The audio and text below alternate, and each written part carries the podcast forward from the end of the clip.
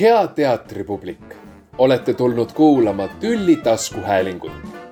soovitame teil välja otsida oma kõrvaklapid ja keerata seadme helivaljus põhja. meeldivat tülitsemist. tere tulemast kuulama teatriteaduse üliõpilaste looži podcasti Lähme tülli. mina olen Karin Allik, teatriteaduse magistrant ja tänases äh, osas me räägime Tartu Uue Teatri ja Lavakunstikooli koostöölavastusest Servantoorium. Äh, minuga on siin tagasihoidlikus stuudios kaks äh, külalist, kellel ma nüüd palun ennast tutvustada. mina olen Eerik-Richard Salumäe, siis üks Servantooriumi autor lavastajatest, lõpetan praegu lavakunstikooli bakalaureusekraadi lavastajana, ehk siis olen neljandal aastal. tere, mina olen Roos, ma olen teine Servantooriumi autor, lavastaja ja lõpetan samuti lavakunstikooli ja dramaturgia erialal. ehk siis see on teie diplomitöö? jah ja. mm. -hmm sellega on praegu olnud ainult üks etendus, kuna me räägime kahekümne esimesel märtsil, et möödas on esietendus, täna on teine etendus. aga kui mina reedel pärast esietendust siis teatrist välja tulin ja, ja, ja sõbraga kokku sain, siis ma pidin muidugi kohe nagu jagama, et mis, mis mõtteid ja tundeid see teatrikogemus minus tekitas ja, ja minu esimene kokkuvõte, olemata täiesti nagu jõudnud midagi seedida, sest et etendus oli lõppenud umbes kümme või viisteist minutit tagasi, oli see, et, et äh, põhimõtteliselt äh, on, on tegu lavastusega, mille sarnast ma ei ole vist kunagi näinud. et, et see tõesti tundus mulle kuidagi väga nagu omapärase stiili või käekirjaga teos mis võib-olla annab nagu märku ka kuidagi teistsugusest lähenemisest teatrile. E, ja sellise pika monoloogi järjeks ma siis küsiksin tegelikult ka küsimuse et, et noh, kui mina vähemalt nägin seal mingisugust erilist nagu lähenemist või käekirja, siis mis on teie enda arusaam sellest, millist teatrit te üldse teha tahate? Mm,. sa tahad alustada või? sa võid alustada mm.. Uh, ma arvan, et, et kui võtta kõige lihtlabasemalt, siis vist sellist, mis puudutaks eelkõige kõigepealt ennast ja siis on lootust, et, et see puudutab ka teisi, aga mis hetkel puudutab, ma arvan, et hetkel ongi mingisuguse isikliku tõe leidmise teema, noh, teemana selline asi, mida tahaks teatris äh, puudutada ja ka kuidagi võib-olla kanda seda, et äh, noh, seda sõnumit, et, et kuidas selle tõe otsimine on nagu vägagi keerukas ja, ja sihuke spiraalis käiv protsess, kus sa korraga tunned, et sa oled midagi kätte saanud ja siis sa elad selle pealt ja siis natukese aja pärast saad sa aru, et, et ikkagi ei ole. siis on sihuke tühjus, siis tuleb uuesti midagi et see on niisugune lõpmatu ring justkui, aga noh, ma pigem olen seda mõtestanud kui mingit spiraali, mis nagu ikkagi keerdtrepp, mis läheb ikkagi ülespoole, mitte et ei ole niisugune suletud ringisüsteem. et ma arvan, et, et lihtsalt äh, pigem kui ma mõtlen, et mis teatrit ma tahaks teha, et siis ma ei mõtle isegi vormi kaudu, vaid ma pigem mõtlengi selle nagu sisulise ele-, elemendi kaudu. et tahaks teha teatrit, mis otsib tõde ja selle juures, et ta pigem äh, liidaks inimesi, kui lahutaks, et pigem äh, ühendaks, kui, kui polariseeriks ja tooks kokku noh, võimalikult erineva taustaga inimesi ja võimalikult paljusid erinevaid esteetikaid, et leida nendes pigem seda ühisosa ja seda, kuidas nad võiksid omavahel suhestuda, kui seda, et kuidas nad vastanduvad mm. -hmm. ma arvan, et see stiili küsimus, et mida sa enne mainisid, et et võib-olla siin ongi just see vormi ja sisu ühtsuse küsimus. et mitte niivõrd, et et millist, vormiliselt millist teatrit ma tahan teha, aga just, et see vorm kannaks seda sisu ja see meie praegune see Servantooriumi noh, millise vormi ta sai, see on hästi tugevalt kantud sellest sisust, just sellest tõe küsimusest. läbi nende erinevate, erinevate tegelaste ja just sellepärast ta sai nagu sellise vormi mm. -hmm. aga milles see siis nagu täpsemalt teie jaoks väljendub, et mm, kuidas see vorm seda sisu nagu väljendab? noh, et äh, kui mõelda juba struktuuriliselt, et, et siis, kui alguspunkt on hetk, kus inimesed kogunevad saali, näitlejad on juba laval ja ütlevad oma nimesid ja otsivad mingit enda noh, tuumliigutust, see võib-olla noh, esimest korda, kui, kui vaatad ja kui ei ole võib-olla noh, nii palju mingite teatrispetsiifikatega kursis, siis see ei pruugi nagu niimoodi kohale jõuda. aga ikkagi see tasand, et nad ütlevad oma nime ja proovivad selle panna mingisugusesse vormi või liikumisse. et see, see võib-olla ikkagi tuleb läbi ja siis see, et, et me jõuame lõpus tagasi sellesse samasse punkti, kus nad on kogu selle rännaku läbi käinud, kus nad on äh, noh, korraks on, on Don Quixote käinud selles punktis, kus ta tõstab ennast maailma kõige kõrgemaks isikuks, ehk siis noh, jumalaks, paneb ennast sellele jumala positsioonile, kes on kõigest üle, saab aru, et, et see ikkagi pole see, et see tõde on kuskil mujal ja siis, et me lõpus jõuame samasse punkti, kus me üritame uuesti nüüd kuidagi seda tõde mingisugusesse vormi panna, et me alustame sellest isikliku tõe tasandist tüki alguses ja jõuame lõpus selle kollektiivse tõe tasandile, et see, et nad näitlejad vaatavad üksteisele silma, on ideaalis kontaktis selle publikuga, kes seal ruumis on ja just täna siin praegu otsivad seda kollektiivset äh, tõemomenti. et võib-olla see on üks näide jah, et, et kuidagi vormiliselt, kuidas me oleme seda tõe otsimist pannud. aga ka, kui mõtelda lavakujunduslikult, et siis äh, nende kastide kaudu mingisuguse maailma konstrueerimine ja, ja ka need äh, noh, maailmad, mis raamatuid avanedes äh, avanevad, et kuidagi need väiksed, noh, et mis kõik on nagu osa, väiksed osakesed mingisugusest noh, suuremast osakesest, et kuidagi selle kaudu ka, ma arvan, on seda vormiliselt seda tõe teemat äh, sisse toodud mm -hmm. näiteks. ja, ja just see, et kõikidel tegelastel on nagu mingi oma ettekujutus tõest, aga nad keegi ei oma täielikku tõe monopoli.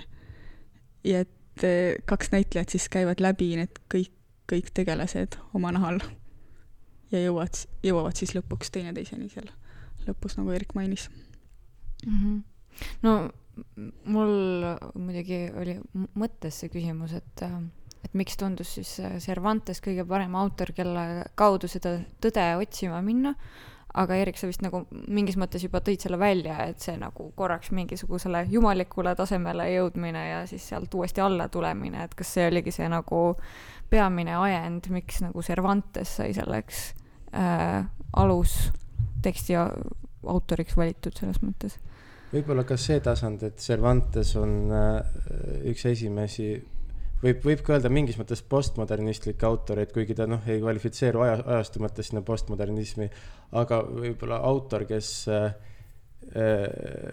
noh, kus oli juba see hetk nii-öelda ära toimunud, noh, renessansi algus seal Hispaanias ka, kus äh, noh, Jumal ei olnud päris sellel positsioonil enam religioosses mõttes, kus ta, kus ta on alati olnud, et Cervantes pigem äh, oli selle kontseptsiooni suhtes ka juba äh, noh, kriitilisem ja, ja üldse see, et tema see kriitiline hoiak nagu enda kaasaegsete suhtes ja siis ka üldse kogu see Don Quixotet saatev see, et noh, mingi näivuse ja tegelikkuse teema, et kuidagi see tundus, et kuna Cervantes on üks äh, selle nii-öelda koolkonna äh, alu, alusepanijaid või rajajaid et siis kuidagi tundus, et Cervantese äh, pealt või tema nagu nende vormiliste võtete kaudu, mida ta omastab, üldse on seda nagu kuidagi loogiline teha. ja siis kuidagi äh, jäi see Cervantes niimoodi sõelale, aga siis ka noh, kaasa arvatud tema need novellid, aga ja sellepärast võib-olla, et Cervantes ka, jah. -hmm. ja me alustame oma lavastust ühe Kundera tsitaadiga, kus ta räägibki sedasama, et et sel ajal, kui Don Quixote astus välja oma majast, et see absoluutne tõde maailmas sellel hetkel oli just, see oli just see periood, kus ta oli nagu vankuma löönud, et ei ole enam mingit absoluutse tõe kontseptsiooni, ta vaikselt hakkas taganema mm. no minule tegelikult äh, nagu vaatajana tundus mingil hetkel, et et see oleks võinud ka vabalt olla mõni teine autor, kelle, kelle tekstides on nagu lihtsalt piisavalt mänguvõimalusi ja mingisuguseid nagu jaburaid tegelasi võib-olla ja ka nagu humoorikaid olukordi, mitte ma ei mõtle, et see nagu oleks ainult komöödia, aga, aga lihtsalt, et see nagu mm, see huumor andis nagu just neid mänguvõimalusi jah, juurde. Ja, ja noh, Cervantes minu jaoks ikkagi oli nagu üllatav valik, sest tema teksti vist Eesti lavadel muidu väga ei ole, et et te ise ka vist nagu kohtusite lugedes ikkagi nagu Cervantesega, mitte teatrilaval. jah, võib küll öelda, kuigi noh, ma olen näinud äh, vist äkki aastal kaks tuhat kuusteist või millalgi Vatt teater tegi Don Quixotet mm -hmm. näiteks, et siis ma nägin seda äh, küll, et võib-olla isegi isegi äkki seal ma, ma tegelikult, tegelikult ma enne nägin seda lavastust, kui ma lugesin, aga, aga jah, et niimoodi suurem Cervantese tundmaõppimine vist peab taaskord mainima, et, et oligi seotud sellega, et me lugesime eh, lavakas Jan Kausi kirjandustunnis tema ühte novelli Koerte kõnelus.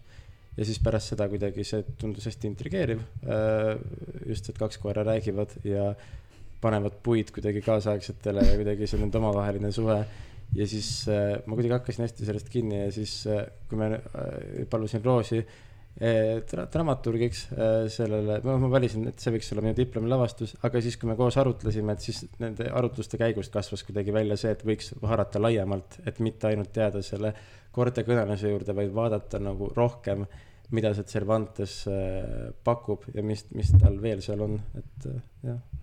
Ja see suur nagu mängulisus, mida sa ka mainisid meie lavastuses, et kui lugeda Cervantes, siis ta on väga selline krutski vend.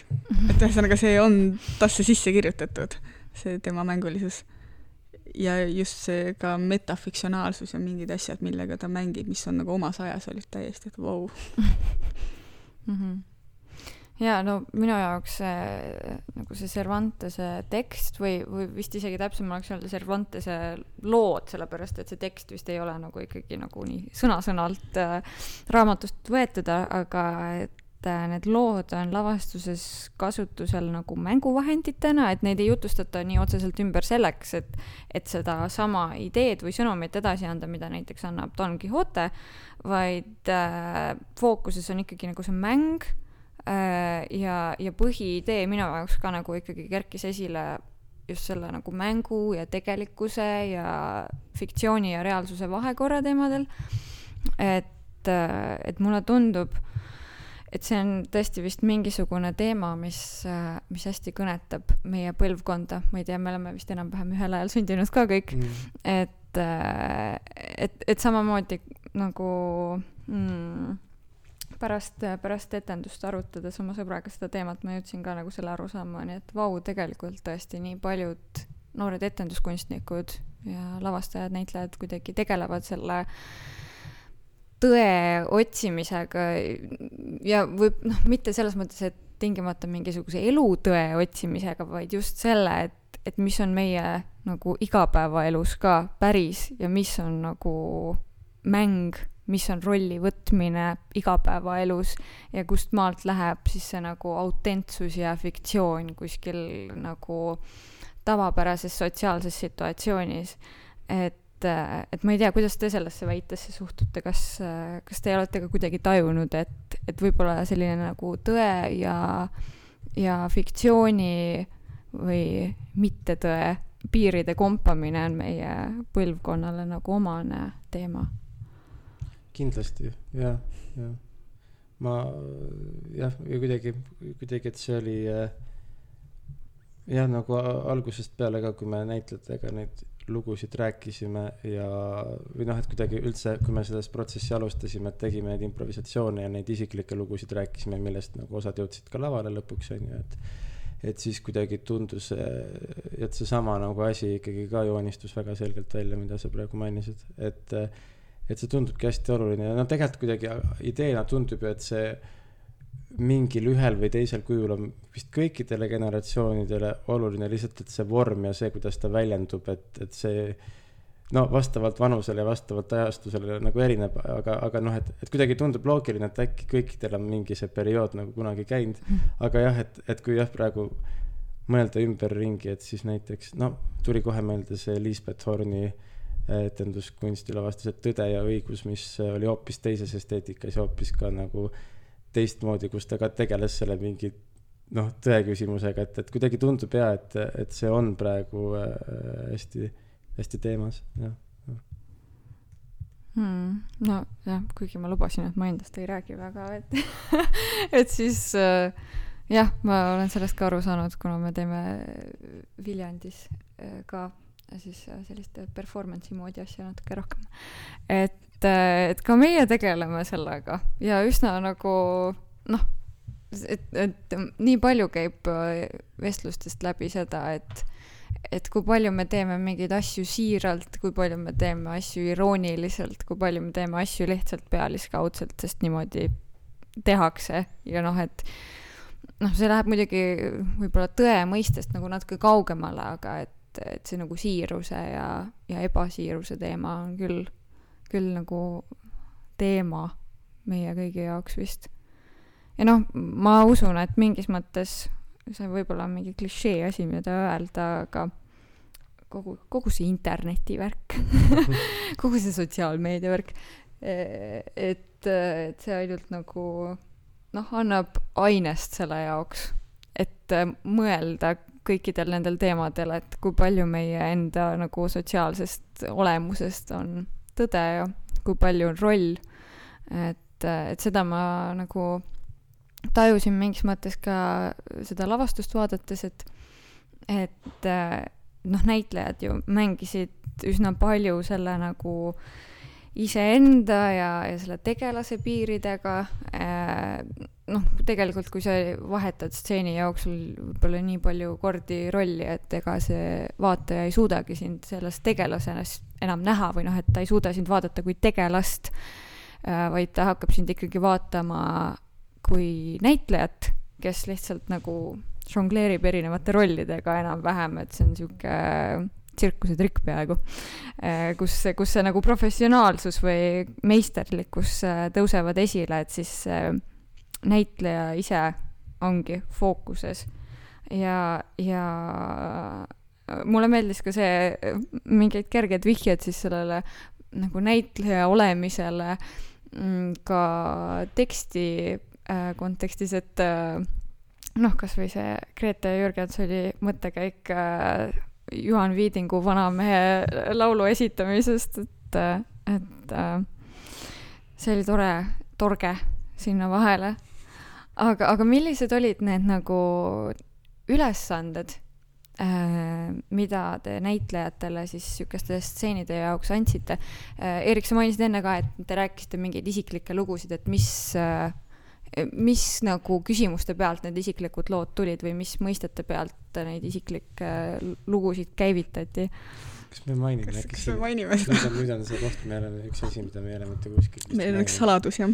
aga, aga ma vist, või noh, et selles mõttes, et ma ei tea, kui nagu saladust on, ühesõnaga, kui me läksime proovidesse, et siis esimeses proovis, mis meil oli, oligi struktuur, et põhimõtteliselt see, et mis äh, tegelased stseenis kohtuvad umbes ja mis selle stseeni käigul, käigus võiks juhtuda ja siis, ja see peaaegu et jäi algusest lõpuni äh, samasuguseks, lihtsalt see siis täituski nende lugude ja asjadega. et see oli üks asi, mille me võtsime, aga teine asi, mille me mõtlesime, et noh, et kuidagi läks mõte nagu selle ajastu peale ja selle tõe teema peale ja selle jumala teema peale ja siis kuidagi tekkis mingisuguseks ühendavaks lüliks äh, või noh, et mingi asi, mida võiks ka nagu ka kasutada kas sisulise ja struktuurilise elemendina tulid need seitse surmapattu, et neid ei ole võib-olla kaasaegses kultuuris nii palju ei ole nendega tegeletud, on see, vaata see üks film on, vaata see, kus on see mõrvar, kes tapab aa, Seven. Seven on ju, on ju, aga jah, aga, aga see oli nagu esimene mingisugune sihuke masskultuuri mingi näide, mis, mis mul tuli, on ju, aga mm. -hmm. aga see, et, et kuidagi võtsimegi siis need äh, uhkus ja aplus ja kadedus äh,, raev oota, iha, iha äh,, mida, midagi. Laiskus. laiskus ja üks peaks nagu veel olema või?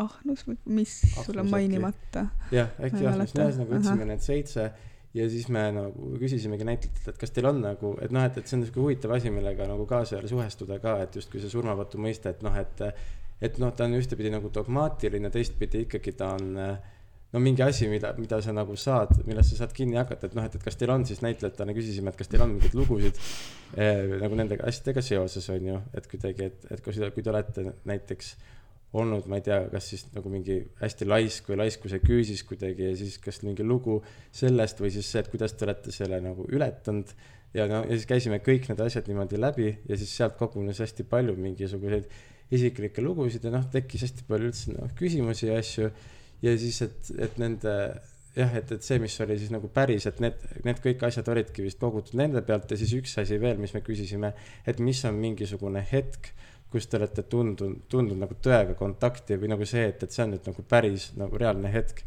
ja siis sealt pealt tulidki näiteks seesama, see kirjeldus, kus äh, Grete rääkis äh, Peipsi ääres olemisest, see üks lugu ja siis äh, tegelikult vist peaaegu kõik need, kõik need lood, mis sees olid ka Mhm. kuidagi tulid Olidki, sellesama mhm. nagu tõetunde pealt.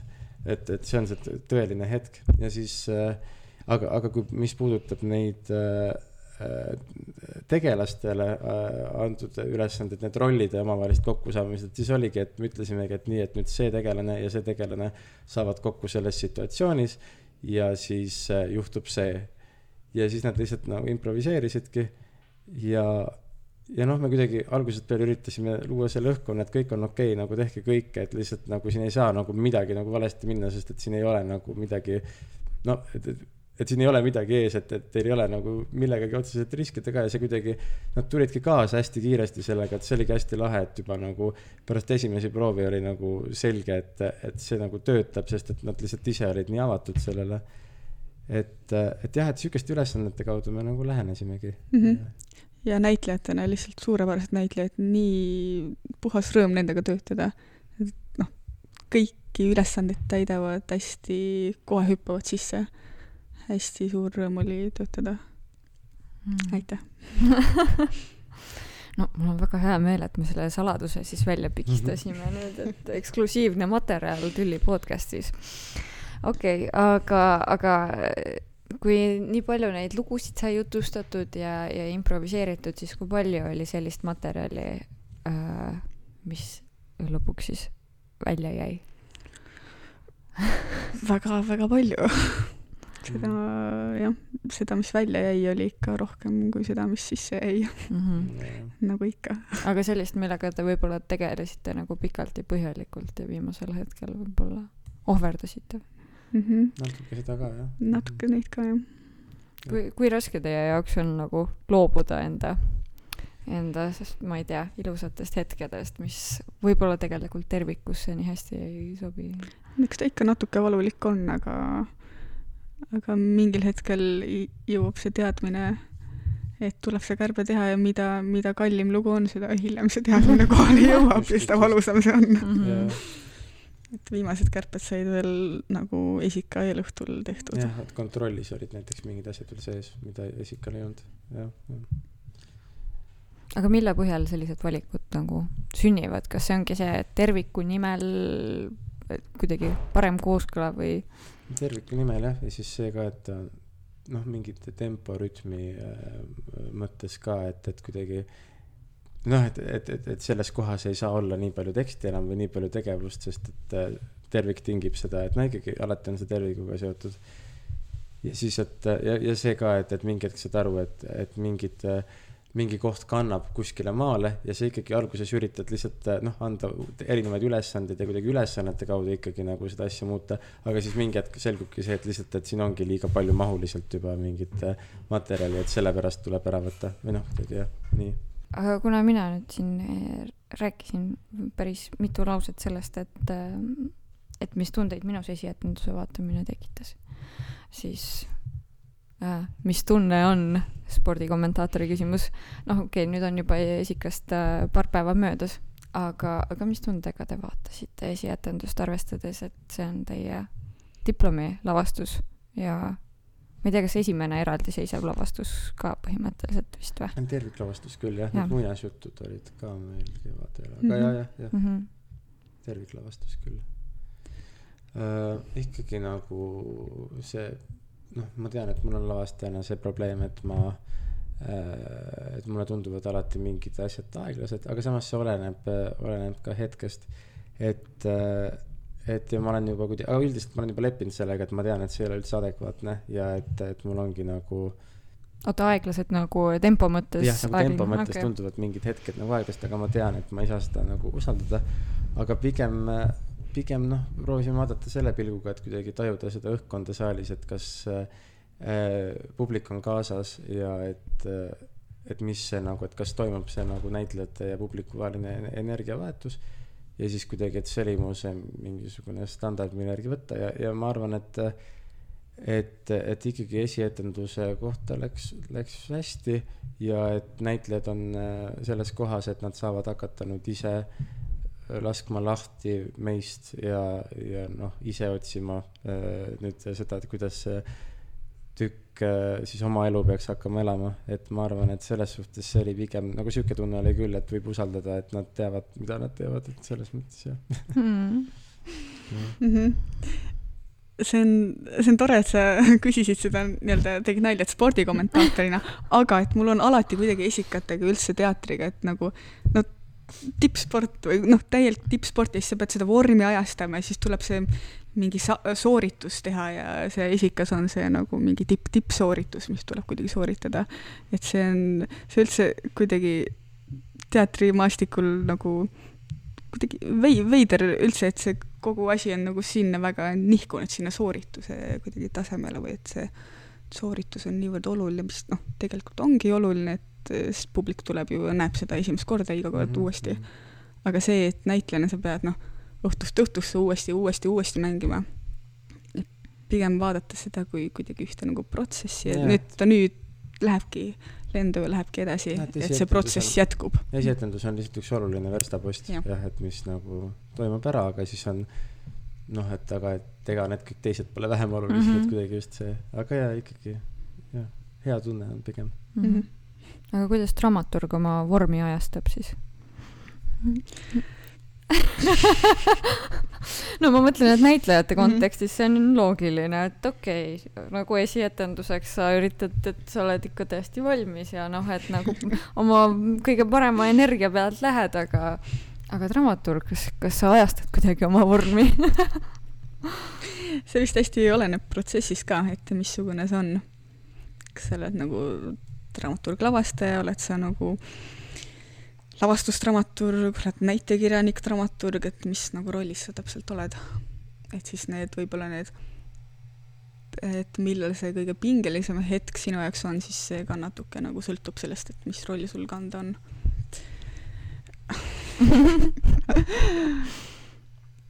aga praegusel juhul?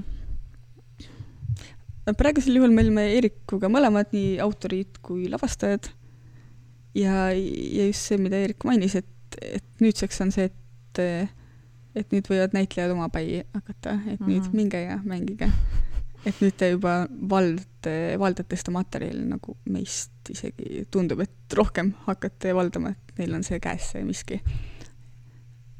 ja et jah, Mhm. Ähm, ja noh, nagu ma aru saan, siis te hakkate varsti juba mingit järgmist asja sooritama siin. et te, teil käivad juba järgmised proovid, mis te teete, kust te tulite? Täna. see Riina aa jaa, no Kava. minul, minul käivad jah äh, Riina Roosega äh, laulukava proovid, meil tuleb äh, kursusega Laulasmaal äh, Pärdi keskusest tuleb äh, laulukava teemal viissada aastat äh, Eesti muusikat, kus me siis laulame, mängime pilli ja tantsime. ja võib-olla saab ka midagi huvitavat üldhariduslikku teada Eesti muusikaajaloo kohta. okei okay., mõlemad tulite sealt? mina seal konkreetses proovis ei olnud, kus Eerik täna hommikul oli, aga mina tulin küll sealt. aga jah. Hmm. okei okay.. tähendab, nii et järgmist korda me näeme siis teid Laulasmaal, jah, okei okay.. no väga huvitav. kas teil on midagi, mis te tahaksite veel jagada, mis jäi hingele? võib-olla seda, et, et meil siin äh, lavastuses äh, osalesid ka valgustajana Kärt, muusikalise kujundajana Mihkel ja heliloojana äh, Eeriku vend Jakob ja siis kunstnikuna Kristel, kes on kõik noh, meeletult, meeletult panustasid sellesse protsessi ja noh, et ilma nendeta see asi ei oleks olnud võimalik. Tundus jah, et selle protsessi käigus kuidagi oli lahe see, et kõik, et klikkisid päris hästi nagu selle, et kuidagi mingi, kas siis mingi õhkkond oli selline või noh, et kuidagi, et et no ikkagi päris palju pidi asju lahti ka rääkima, aga üldiselt see, et, et mingist hetkest alates oli tajuda seda, et kõik nagu teavad ülitäpselt, mida terviku jaoks on vaja ja kõik lihtsalt nagu tegid neid samme sinna suunas. Ja see oli noh, hästi-hästi lahe tunne, et, et kui sa ei pea nagu noh, no kuidagi, et, et ei pea nagu ise nii, nii, nii nagu hullult nagu pingutama või muretsema, sest et sa tead, et, et nagu inimesed tajuvad. Ja kuidagi see mingisugune ühistaju mulle tundub, et oli, oli hästi olemas. Ja see jah, et see oli, see oli lahe kogemus jah. ja. mm. -hmm. et ei pidanud võtma sellist nagu autoritaarse lavastaja positsiooni, kes ütleb ette kõik, mis teised peavad tegema. ma arvan, et vahepeal ikka ma te- tegin seda ka, mina ma tean, et oli kindlasti mingid hetked, kus seda juhtus. et kus, aga aga seda pigem oli nagu vähe või noh, et, et ikkagi, et see ei olnud kunagi nagu eesmärk iseeneses või noh, et ikkagi ma, ma pigem äh, väga seisan selle eest, et, et kõikidel oleks tunne ja nagu, et päriselt olekski see loominguline vabadus, et, et panustada ise sinna tervikusse seda, mis tundub nagu õige. et, et see peaks seal olema ja mis tundub nende meelest, et kannab edasi seda id- suuremat ideed, mis sellel lavastusel on. et, et jah, jah.. hästi, ka mina usun sellesse. okei okay,, aga aitäh, Eerik ja Roos, et äh, tulite ja avasite natukene servantooriumi tagamaid. ja kuulajatele jääb ainult üle soovitada, et minge Tartu Uude Teatrisse ja vaadake ise siis äh, lavastusi üle